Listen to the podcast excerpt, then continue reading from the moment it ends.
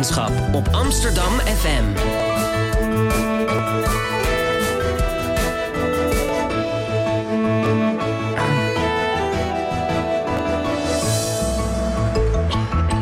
Radio Swammerdam. Goedemorgen luisteraars en welkom bij Radio Swammerdam, het wekelijkse wetenschapsprogramma op Amsterdam FM. Vandaag hebben we weer een zeer interessante uitzending voor jullie in petto, de laatste uitzending van het jaar zowaar. En deze zal voornamelijk in het Engels plaatsvinden, want we hebben niet Nederlandstalige, niet Nederlandstalige gasten aan tafel. So, hello dear listeners and welcome to Radio Swammerdam, the weekly local radio program on anything academic from Amsterdam. Uh, I would like to extend a very special welcome to any potential international listeners we might have be having tuning in from afar. Um, yeah, so my name is Luke Brands. I'm the host, and I'm joined by my lovely co-host Misha Melita. Hi, Misha. Good morning. Good morning. Yeah, um, we should be in the middle of a very cold winter right now. It is December after all, but climate change precludes a white Christmas in Amsterdam these days, and therefore that's a bit sad. But to have a little bit of coldness back into our hearts, we thought it would be fitting to talk about the Cold War.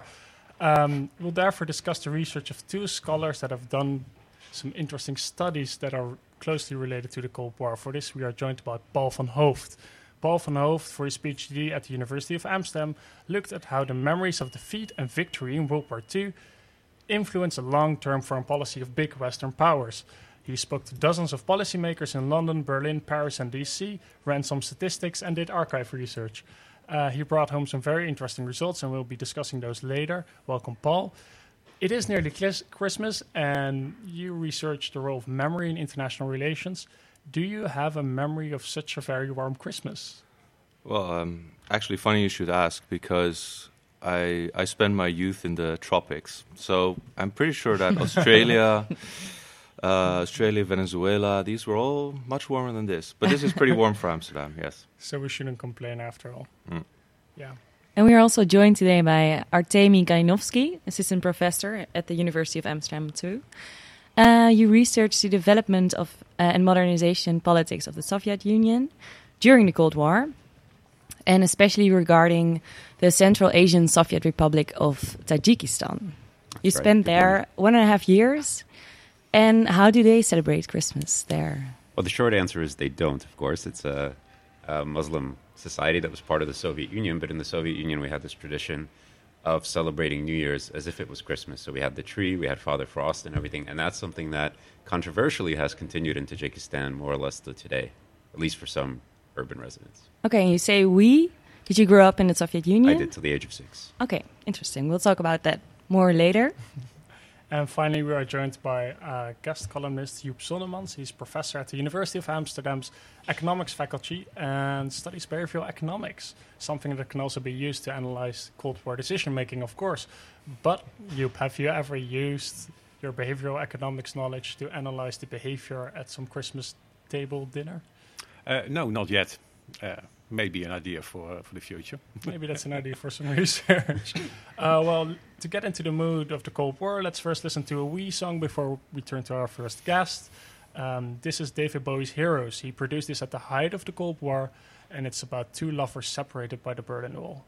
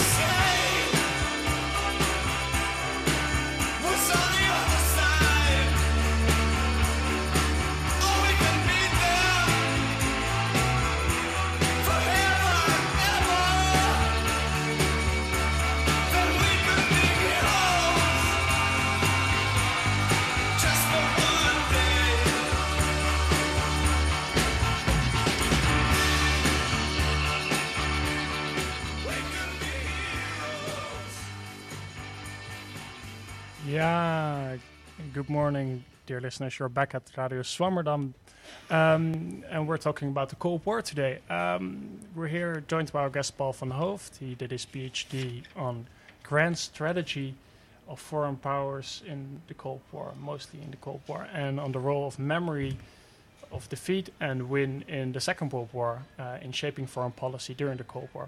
What do you mean by grand strategy? What does this entail? Well, grand strategy is um, it's a term that's not used often in the Netherlands Yeah. because usually it's the, the larger powers that have grand strategies.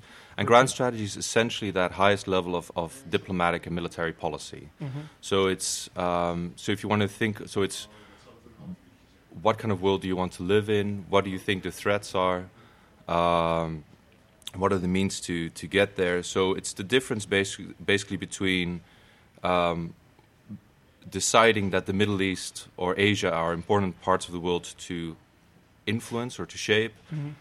That's grand strategy, and whether you actually go to, into Syria and in what way, that would be more foreign policy or defense policy. So we should see it as like meta foreign policy in ways. yeah, if you if you want to put it like that, it's, it's the thing that precedes other decisions. Yeah. I think that's the best way to put it. Yeah, and in your research, you looked at how defeat and victory in the Second World War shaped this grand strategy, this meta foreign policy of the UK, the US, France, and Germany Mhm. for decades. Could you maybe explain how should this, how should defeat and victory shape grand strategy, Right. Um, and why the Second World War? All right. Um, so the idea here is that, again, grand strategy. So this this highest level of foreign and defense policy, and these are very fundamental decisions about where to position yourself, uh, what kind of military forces you need, what kind of wars you expect to fight, what kind of uh, allies you expect to have, and there is it's very difficult. You can imagine that the impact of making a wrong choice is huge. If you if you mess up, it's it's could, uh, the consequences can be catastrophic, or at least like look at Iraq, very painful. Yeah. Um, but there's very little information, if you think about it, on exactly which solutions are going to are most likely to work. Uh, it's very difficult to judge exactly what kind of threats, what kind of regions are most likely to to impact um, to impact you in the future. And, you, and most states are not obviously not able to do everything all the time, so they have to prioritize. How do you prioritize? You go by past experiences. If you look at grand strategy, so highest level alliances, military force, then what really, what kind of basis, what empirical basis do you have except these major wars? Major wars in which the survival or close to the survival of the state was at stake. So that's why. Um, so that's the logic of it. The idea of why experiences would matter for choices.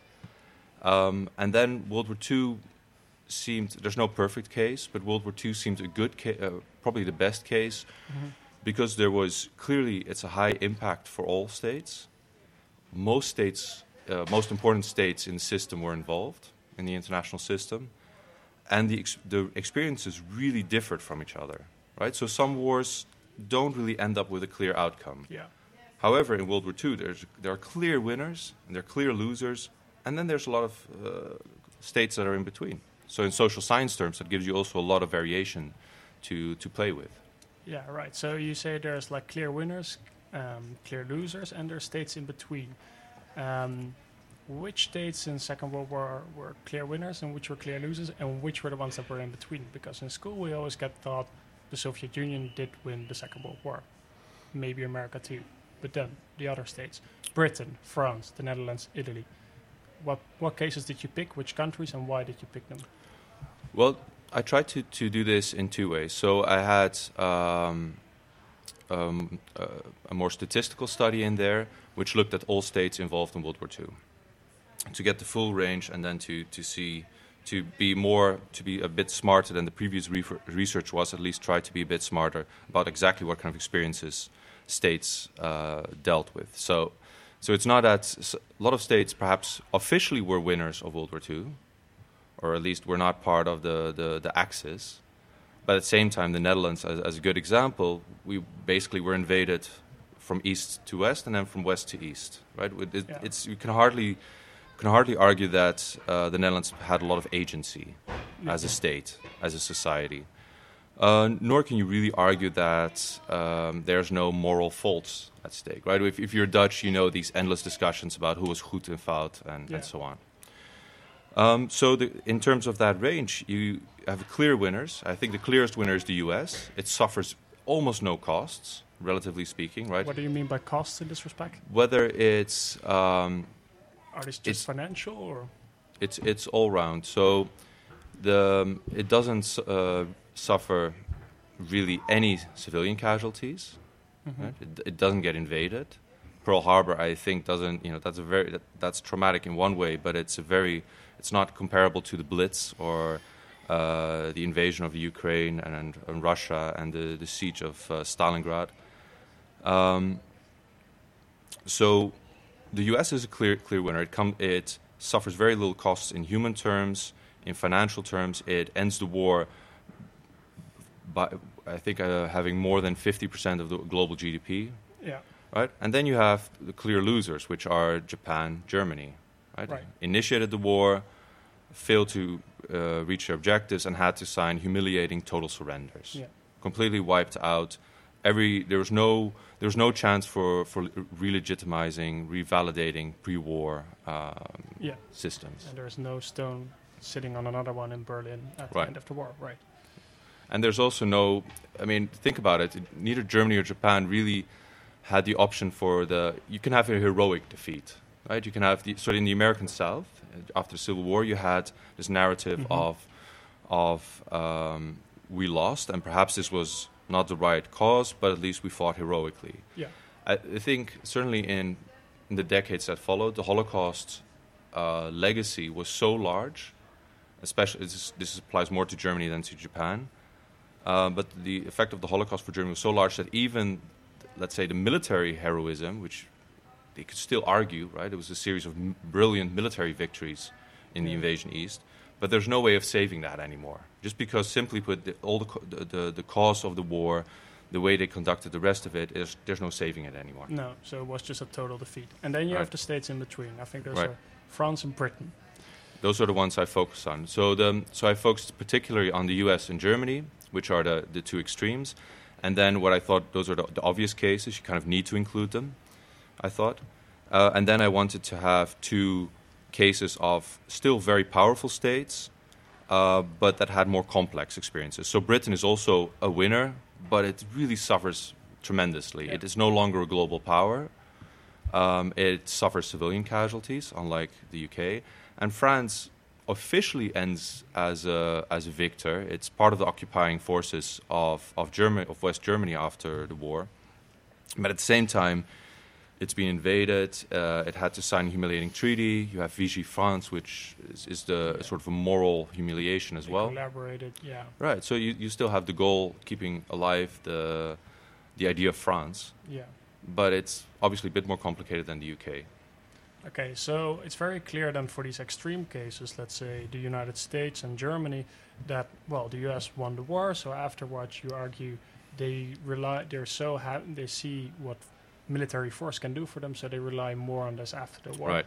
And Germany, they see what military force did for them, they abandon military force in the post-war era.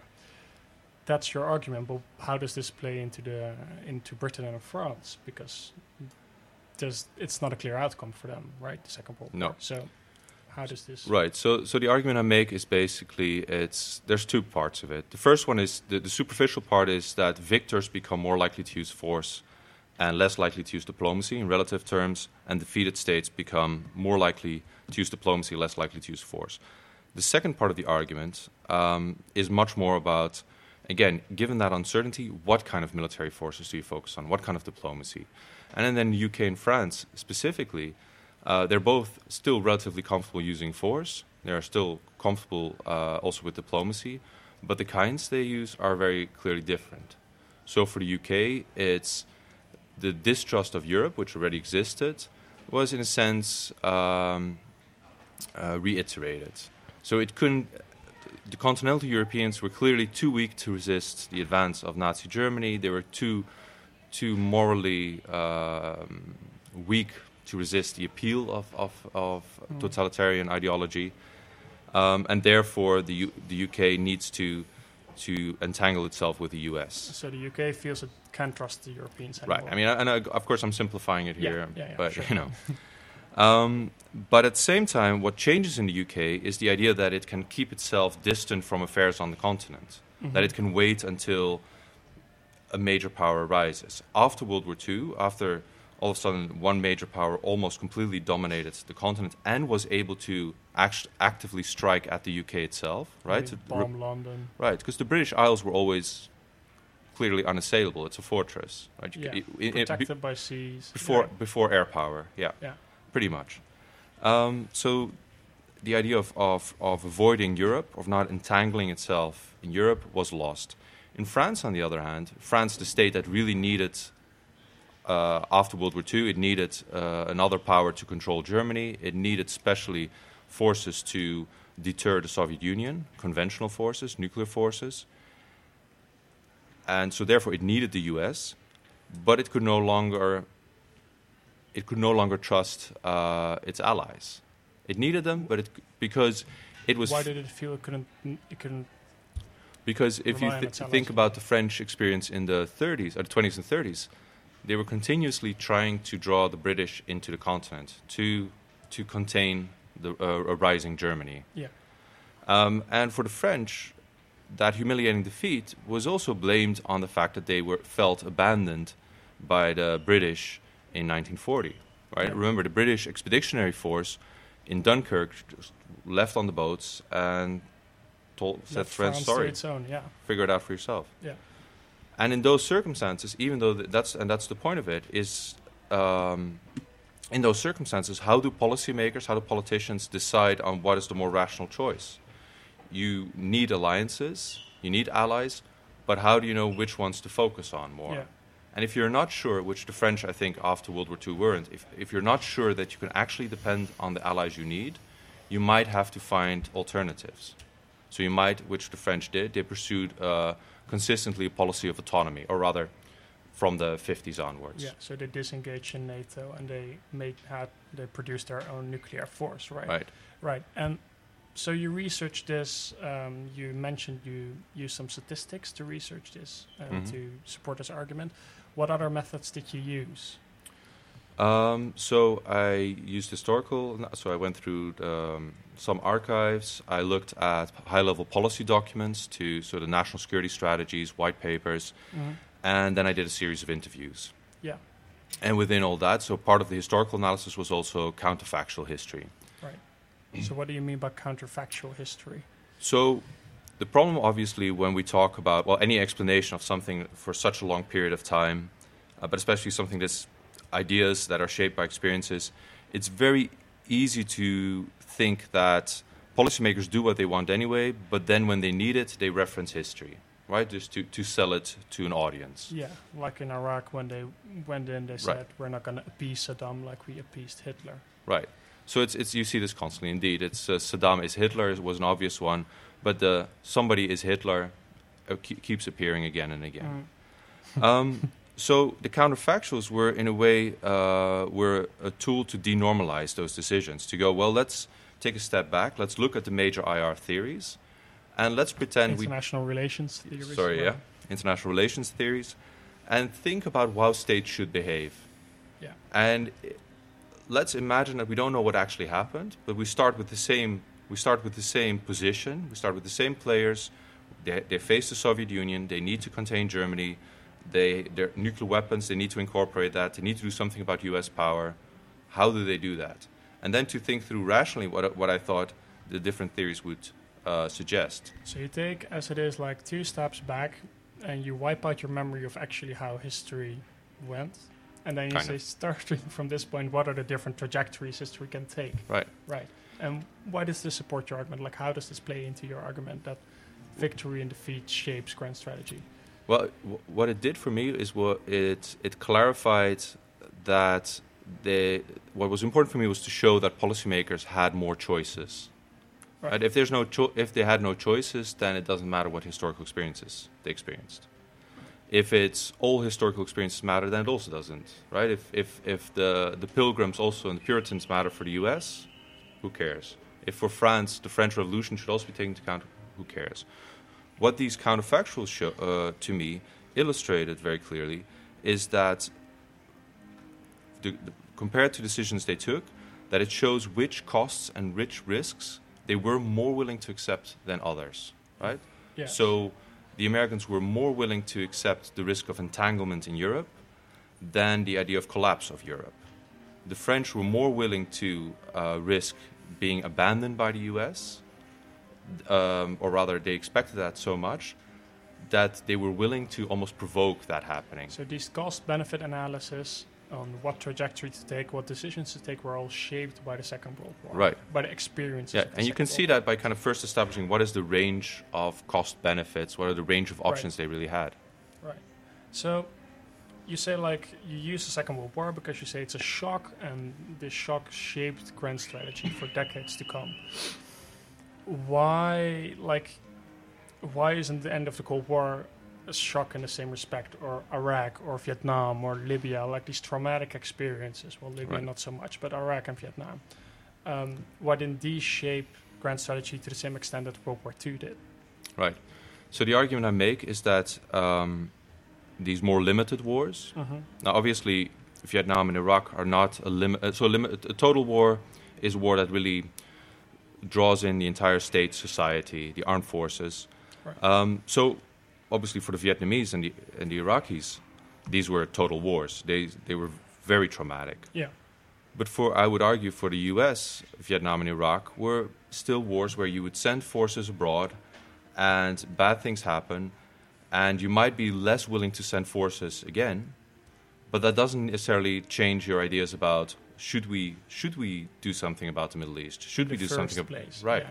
So that's the the idea here that total wars, major wars, shape grand strategy. And more limited wars may shape how fast you, th- you how you want to execute that So, grand strategy. limited war shape foreign policy, great like total war shape meta foreign policy to Right. use this to use this analogy, right? yeah. Yeah. Um, so, is there a way we can um, apply these insights to Dutch foreign policy? You think? Oh, that's um, well, it's, it's tricky. I mean, there's a reason not to, that I didn't select the Netherlands, I did, although I did think about it. Uh, it's because it's smaller states obviously have less choices. Yeah. But you can see in the Netherlands, um, small states still have the choice between neutrality, variations of neutrality, or of international engagement, right? So either they try to get out of the international system, pretend they're not there, or they try to uphold some stability in the order, Yeah. right? And they try to be a good little citizen, and that's what the Netherlands did after World War II, right? Remember that before that, it all, it, it, it tried to, at least for for a lot for a century, try to maintain a neutral position, try Yeah. to keep out of the major power conflicts. Right. After World War II, it, it real policymakers realized that it would be very dangerous uh, to disengage from the system. Right. Right. And what about oh, and what about the Soviet Union? Because in a bit we'll talk with uh, Artemi. Mm-hmm. Um, because we, as Luke said, we also view the Soviet Union as one of the winners of the Second World War. Um, but how would their foreign policy might have been influenced by this win? Well, it's, it's influenced in several ways. It's, but of course, the, the Soviet Union slash Russia is a much more complicated story. And there's a good reason that I didn't choose it because then you also have to think about what is the effect of the Russian Revolution, what is the effect of that totalitarian ideology. Um, but in the case of Russia, um, Soviet Union then becomes Russia becomes the the Soviet experience becomes the Russian experience. Mhm.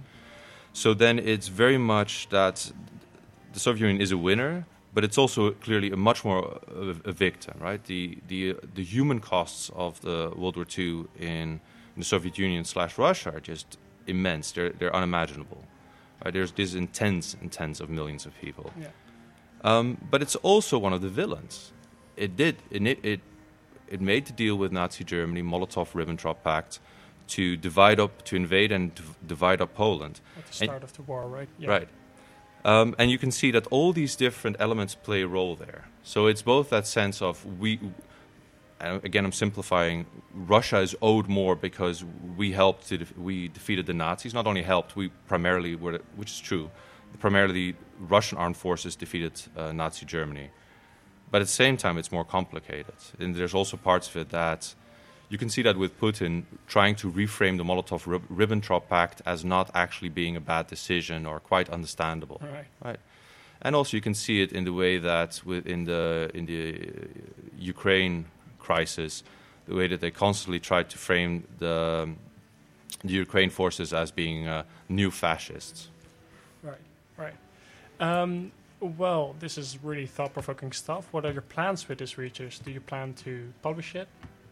Yeah, I'm um, over the it's the life of an academic. Over the Christmas holiday, I'm going to finally start some serious work on adapting it into a book. I'm actually looking forward to that. That's how sad it is.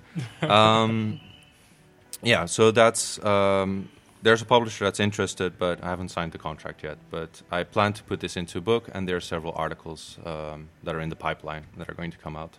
Great. Well, looking forward to that. Um, after the music and the guest columnist, we're going to talk about the USSR more extensively. And to change our minds a bit from the west to the east, we're here, have a little song by the Beatles, Back in the USSR.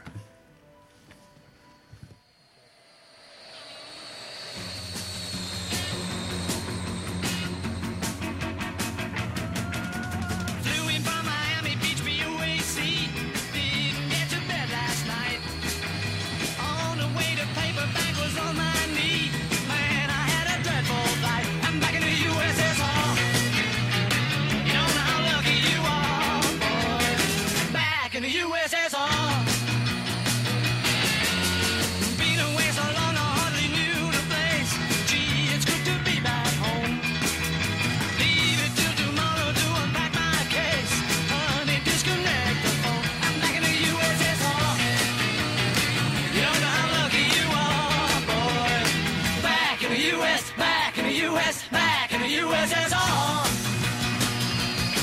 Well, the good way girls really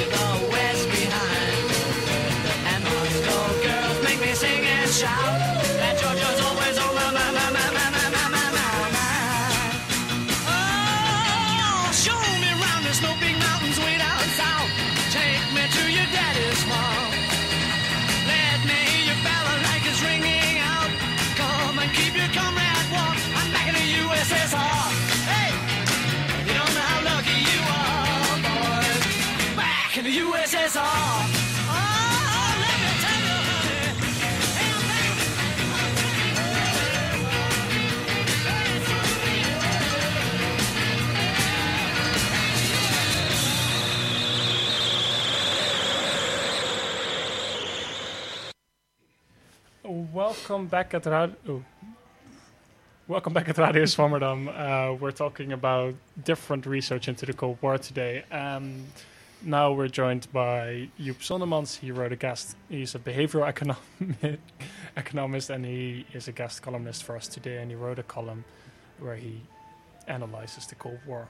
I think. No, he doesn't. Well, let's hear from him. Here you go, Joep. Let's see. Um, in 1944 near the end of the Second World War, a book was published that would, had, would have an enormous influence on the social sciences. The book was called A Theory of Games and Economic Behavior, and the writers were a mathematical genius, John von Neumann, and an economist, Oskar Morgenstern. John von Neumann had already published the, the first paper ever on game theory in the 20s, but this book would establish game theory as a new field in, in academics, and it would also attract the attention of military strategists during the Cold War. So, what is a game according to game theory?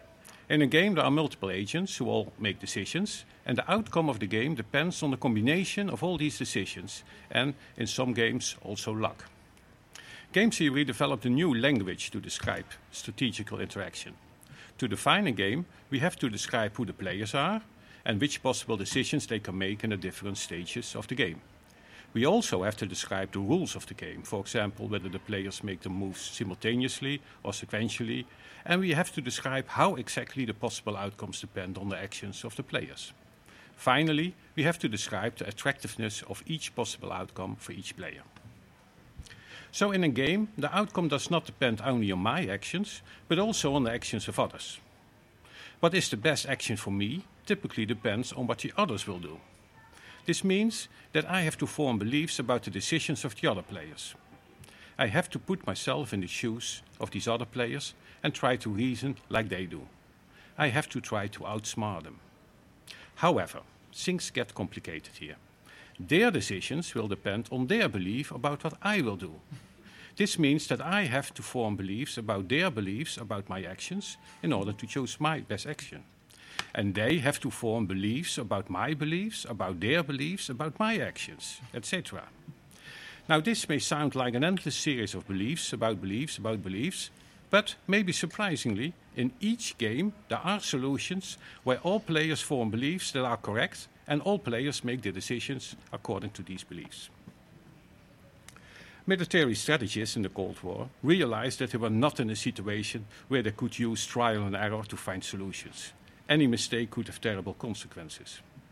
They hired uh, von Neumann and, and, and other mathematicians to develop game theoretic models. The military wanted to understand the strategic properties of the situation, but they also wanted advice what to, about what to do. Making models turned out not to be a difficult problem, but giving useful advice, that was much harder. The mathematical models had, had to make some essential assumptions about the rationality of the players, and these assumptions were not always met in reality. I will illustrate this problem with an example. This example is from Daniel Ellsberg, an economist and a game theorist who worked for the US military. And it is from an article uh, from 1959 with the nice title The Theory and Practice of Blackmail. It relates to a series of attempts to rob banks with a, with a threat in the early 50s.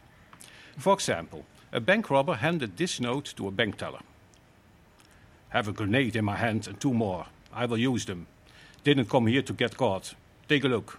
Toss in your and your neighbor's money. Put $5,000 in bundled 20s and 10s in coin bag. Count it. Don't stuff it. Keep quiet until I'm out of the door, or this place will look like a battlefield. Now, let's analyze this game. If the bank teller doesn't give any money, what will a rational bank robber do? Using the grenade will be costly. He may hurt himself or even die, and it will be without any benefits because he still doesn't have the money. It would then be better just to walk away. So a rational robber will not use the hand grenade. The threat is not credible in a game theoretical sense, and the bank teller should not give the money.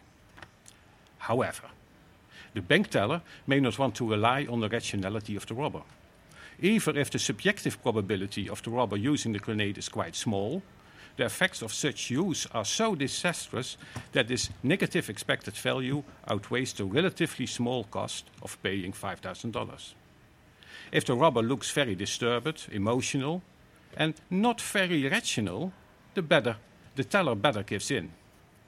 This means that it is in the, in the interest of the bank robber to look irrational.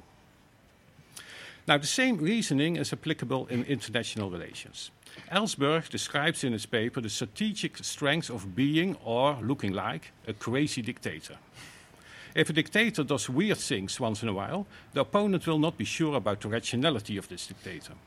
In some cases, this may be advantageous for the dictator, especially in games where threats and ultimatums will not be credible otherwise. Dictatorships have an advantage over democracies in this respect. In general, it's much easier for a dictator to pretend to be crazy compared with a democratically chosen leader. In a democracy, voters will probably not vote for a politician who acts crazy, who acts crazy before an election. Crazy actions only after the election will not be believable by, to the enemy if the leader always acted reasonable before he or she was elected. However, I may be wrong here.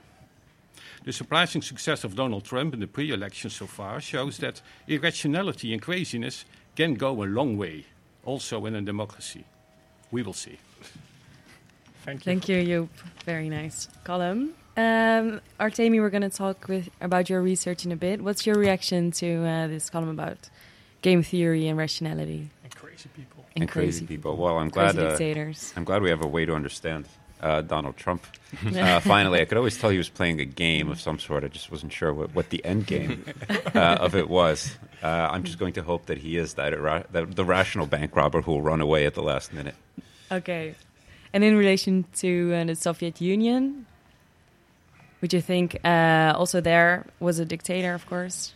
uh, that it was well, it was a it was a kind of party uh, dictatorship. I mean, uh, this thing of, of game theory has been interesting to Cold War historians for a while, particularly uh, when we look at uh, crisis points. The Cuban Missile Crisis kind of being the most obvious one, um, but similarly the the Able Archer NATO exercises in 1983, which were misinterpreted by the Soviet Union as preparations for an actual nuclear attack, right? And so then Soviet uh, leaders had to go through this whole process of trying to understand not just you know what is uh, going on uh, in Western leaders' mind, but then how should they react? What is you know how to, to risk escalation or risk de-escalation and so forth. So there are a number of these crisis moments when this kind of analysis is, is quite helpful. Yeah, if I can just have a short movie recommendations for our listeners, you might want to see Doctor Strangelove by Stanley Kubrick for this, uh, which put this in a very nice light. Thank you, Luke, for that. uh, so we're going to talk about your uh, research, and you published an article um, called "Not Some British Colony in Africa." Could you explain this? For Yeah. bit Yeah, that's the first article that came out of my, my current research. So basically, Cold War historians of the Cold War since the 90s have gotten interested in the way that uh, development or modernization played a part in the way that the Soviet Union and the United States were competing with each other for the so-called third world, right? So the recently decolonized states in the 50s and 60s, uh, by showing that you know their system had the kind of better method for, for raising standards of living in society. For, for the United States, this was about keeping communism at bay. Uh, for the Soviet Union, this was partially about winning friends over, uh, not necessarily to make these countries socialist or communist, but to make them pro-socialist. Um, uh, and more recently, historians have started turning to looking at the way the Soviet Union uh, did these things. Uh, and my kind of interest was okay, well, the Soviet Union did these things abroad, but of course, the Soviet Union is also an heir to an empire, right? It's an heir to the Russian Empire. So you have all these areas um, in the Caucasus and uh, Central Asia, which, which come into the Russian Empire fairly late, late right? Most of Central Asia is conquered uh, in the second half of the 19th century. Uh, and the Soviet Union claims to be anti-imperialist, right? It claims to be anti-colonialist, yet it has Why does it claim so? well, that's that's been part of kind of Bolshevik ideology going into the revolution, right? Lenin deploys this in the years after 1917 uh, to win friends and so forth. But at the same time, they need to keep. They find that they need to keep these territories as part of one coherent state. So how do you reconcile these two these these things? Um, and in the 1950s, this comes up again because now the Soviet Union is engaging, after Stalin's death, is engaging with this emerging post colonial world uh, and needs to prove that it's actually not an empire, uh, that it, that it um, is, is really offering something very different from either the European states or, or the US. Uh, and one way to do they, this, they realize, is to show off the Central Asian republics as a model of anti colonialism. Meaning what? Meaning, on the one hand, that they have economic development, um, and on the other hand, they have the preservation of their you know, local cultures, national cultures. And one of these examples of such a state is Tajikistan. Well, Tajikistan is one of them. Yeah, Uzbekistan, Kyrgyzstan, Kazakhstan. But Tajikistan is, is particularly interesting because, of course, uh, the Tajiks speak uh, dialect of Persian, right? So there's the link with Iran, there's the link with Afghanistan, uh, which is just to the south. There are the cultural links with India, and so forth. Uh, but local politicians also become very good at using this dynamic. Um, so they're basically saying, well, actually, you know, since we got incorporated into the Soviet Union, there hasn't been very much economic development. And if you want to start showing us off to the third world, you have to kind of make this a reality here first. So this this quote of not some British colony in Africa, it comes from a, a negotiation of where to place a certain um, a, a, a processing plant. Yeah, and there's a debate about where to place it. And one of the local politicians finally gets frustrated with, with this guy who's come from Moscow and says, "Look, you can't treat us like we're a colony of Britain in Africa, right? We, you know, we have to be industrialized as well, right? This also the, this idea that what empires had done was to use their colonies primarily for um, for uh, raw materials uh, and not develop them uh, economically and also with regards to education, health, etc. Right. So these kind of dynamics, local leaders start becoming very good at using them, and Moscow does respond. So could you argue that Tajikistan was actually a colony of Moscow? Well, uh, yes, in a way, um, because uh, you know certain kind of let's say colonial patterns remain, right? Um, the fact that the Russian language remains the dominant language for administration, even though Tajik is an official language, and you could go to a Tajik language school and so forth. Um, the biggest one from an economic point of view is that there's a huge emphasis on um, the, on producing cotton in, in Uzbekistan and Tajikistan in particular, which is uh, you know to kind of separate the Soviet Union from the world cotton market. But what that means is all the efforts are placed there, so there's much less investment in industry. So then you have this again pattern that's reminiscent of certain empires where raw materials are coming from Tajikistan but being processed elsewhere in the Soviet Union. But the interesting thing for me is to always is to look at the way that uh, local politicians, but also people in Moscow, try to overcome this uh, this condition, right, or, or overcome these patterns. So you because have they some- both don't want to be part of this colonial system anymore. yeah, absolutely. I mean, and I think for the most part, you know, uh, even politicians in Moscow do believe that they're trying to overcome a colonial legacy, right? The question is how you do that and yet fulfill, you know, your other uh, economic priorities, your national security priorities, whatever uh, you have. So they would argue that they were anti-colonial Mm-hmm. because they were uh, also giving them opportunities to develop industrial. That would be yeah, that would be one of them. Yeah, I mean, uh, cultural issues are another one. So another thing that happens in the 1950s uh, is Central Asian politicians becoming very good at saying, well, um, you know, you, you have to kind of show that. Uh, that, that you are preserving our local culture, um, and that can mean different things. In, in the case of Uzbekistan, for example, you have these beautiful Silk Road cities, Bukhara, Samarkand, you have uh, ancient monuments in Tashkent.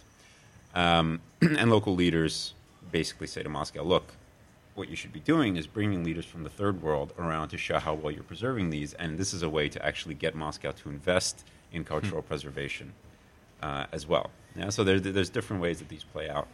Um, also, in terms of you know what what kind of um, national literature is acceptable, right? What kind of poetry is acceptable? What kind of music is acceptable? It creates a lot of more room for maneuver. And in what way was it different than the American strategy to uh, uh, of development Yeah. pol- policies? Well, more broadly, I mean, in the 50s and 60s, they actually look very similar, right? Walt Rostow's famous um, Stages of Growth, right, which is a kind of anti-communist manifesto, is actually a mirror image of, of you know, the way the Soviets see economic development happening. Um, but if you look at the kind of projects that the Soviet Union and the United States engage in abroad, they look very similar, right? There's a big, there's, there's a lot of faith in kind of, um, for example, big dams, right? Dams which can uh, create uh, irrigation, but they can also power industry. Industry is going to draw in a surplus agricultural workforce, which is going to become kind of more culturally advanced and earn a higher salary, and so that that's going to be a driver or industrialization. And, and both sides kind of actually believe this in the 50s and 60s, right? What, what matters, and, and they also both believe in a big, big role for the state. The difference being the Soviet Unions see maybe more of a role for the state than, than, than the US does, but actually they look very, very similar. And what happens with both in, when you get into the 70s and into the 80s is that you see that actually, you know, these plans didn't work out the way they were they expected, to, the, the way these uh, the U.S. and the Soviet Union had expected to, and so you have kind of new paradigms uh, emerging, right? So the focus in, in the West, you know, basic needs, focus on things like education, um, democracy becomes more uh, more important, or democratization becomes more important as a paradigm, uh, as part of development, um, and so forth, up into the kind of contemporary neoliberal uh, age. And would you argue that uh, this de- development policies uh, were also uh, strategically used from as Soviet Union to show the Americans that they were actually doing very well? Yeah. Well, I don't know if they were they were really showing the Americans, uh, although they do kind of the propaganda sometimes address the skeptical Americans. Um, it, it's really aimed more at uh, people from from you know places like India, places like Afghanistan.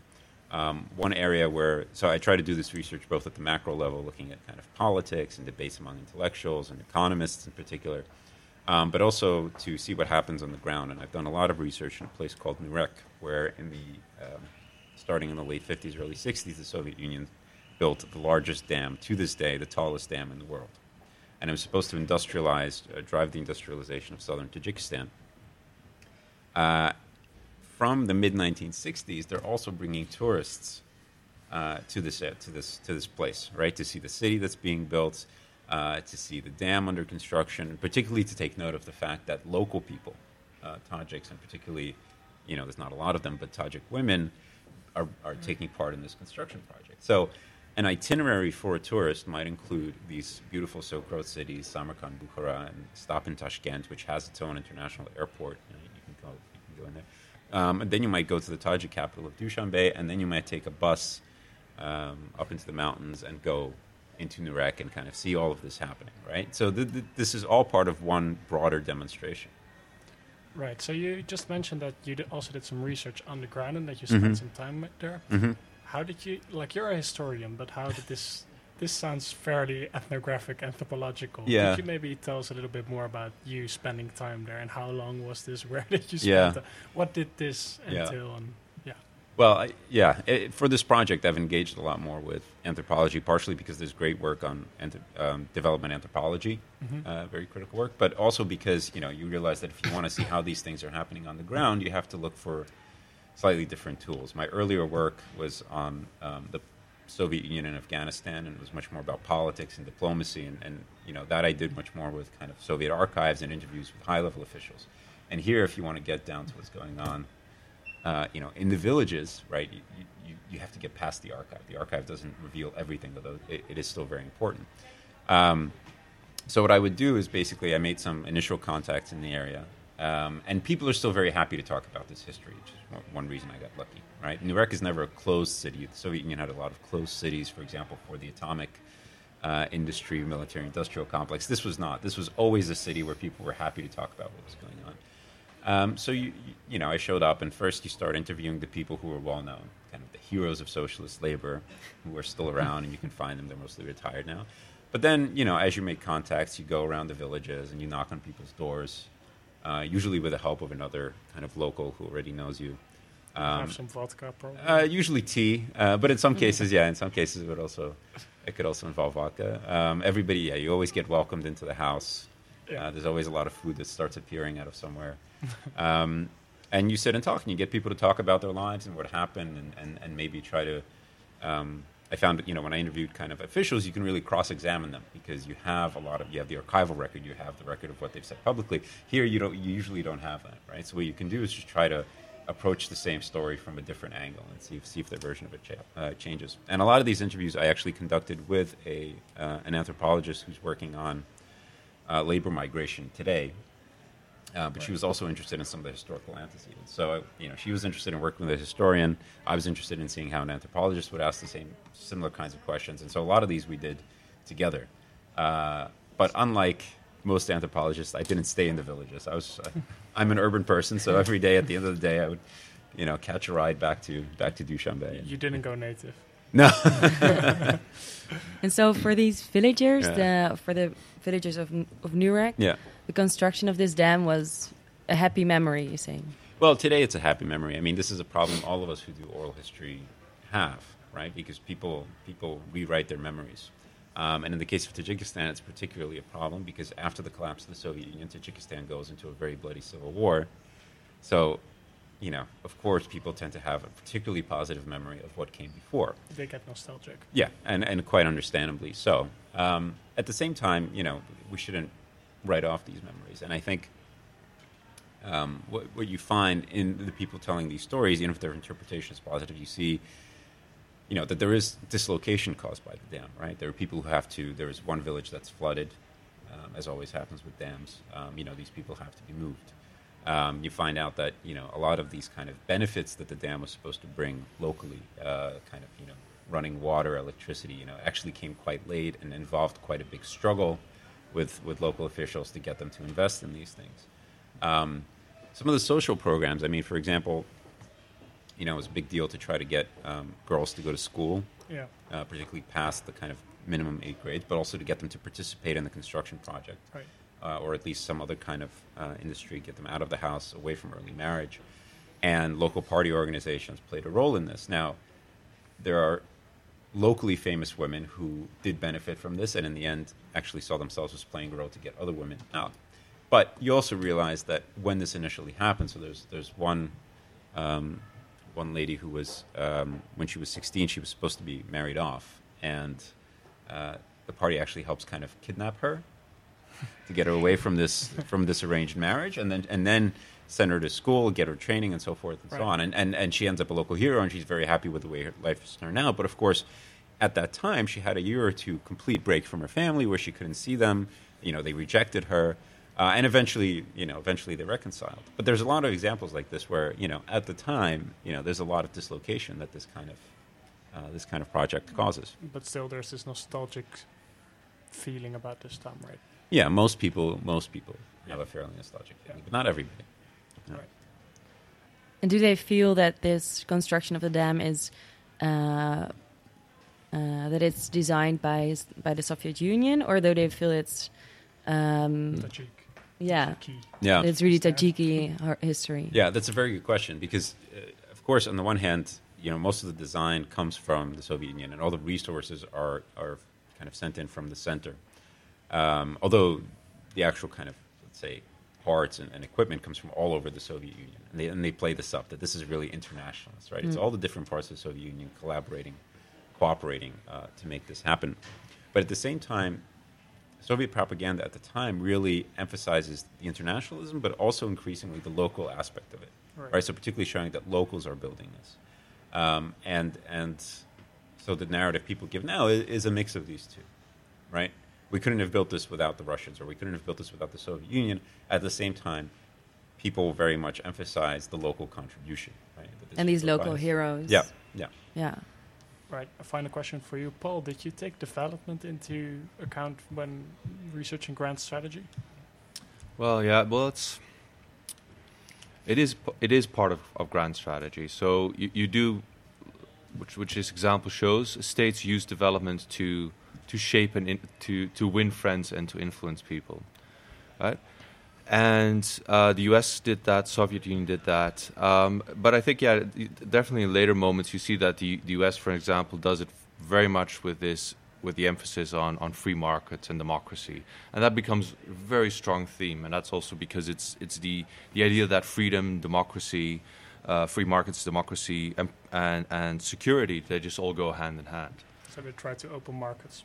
To Yeah. keep markets open. Right. Okay. Right.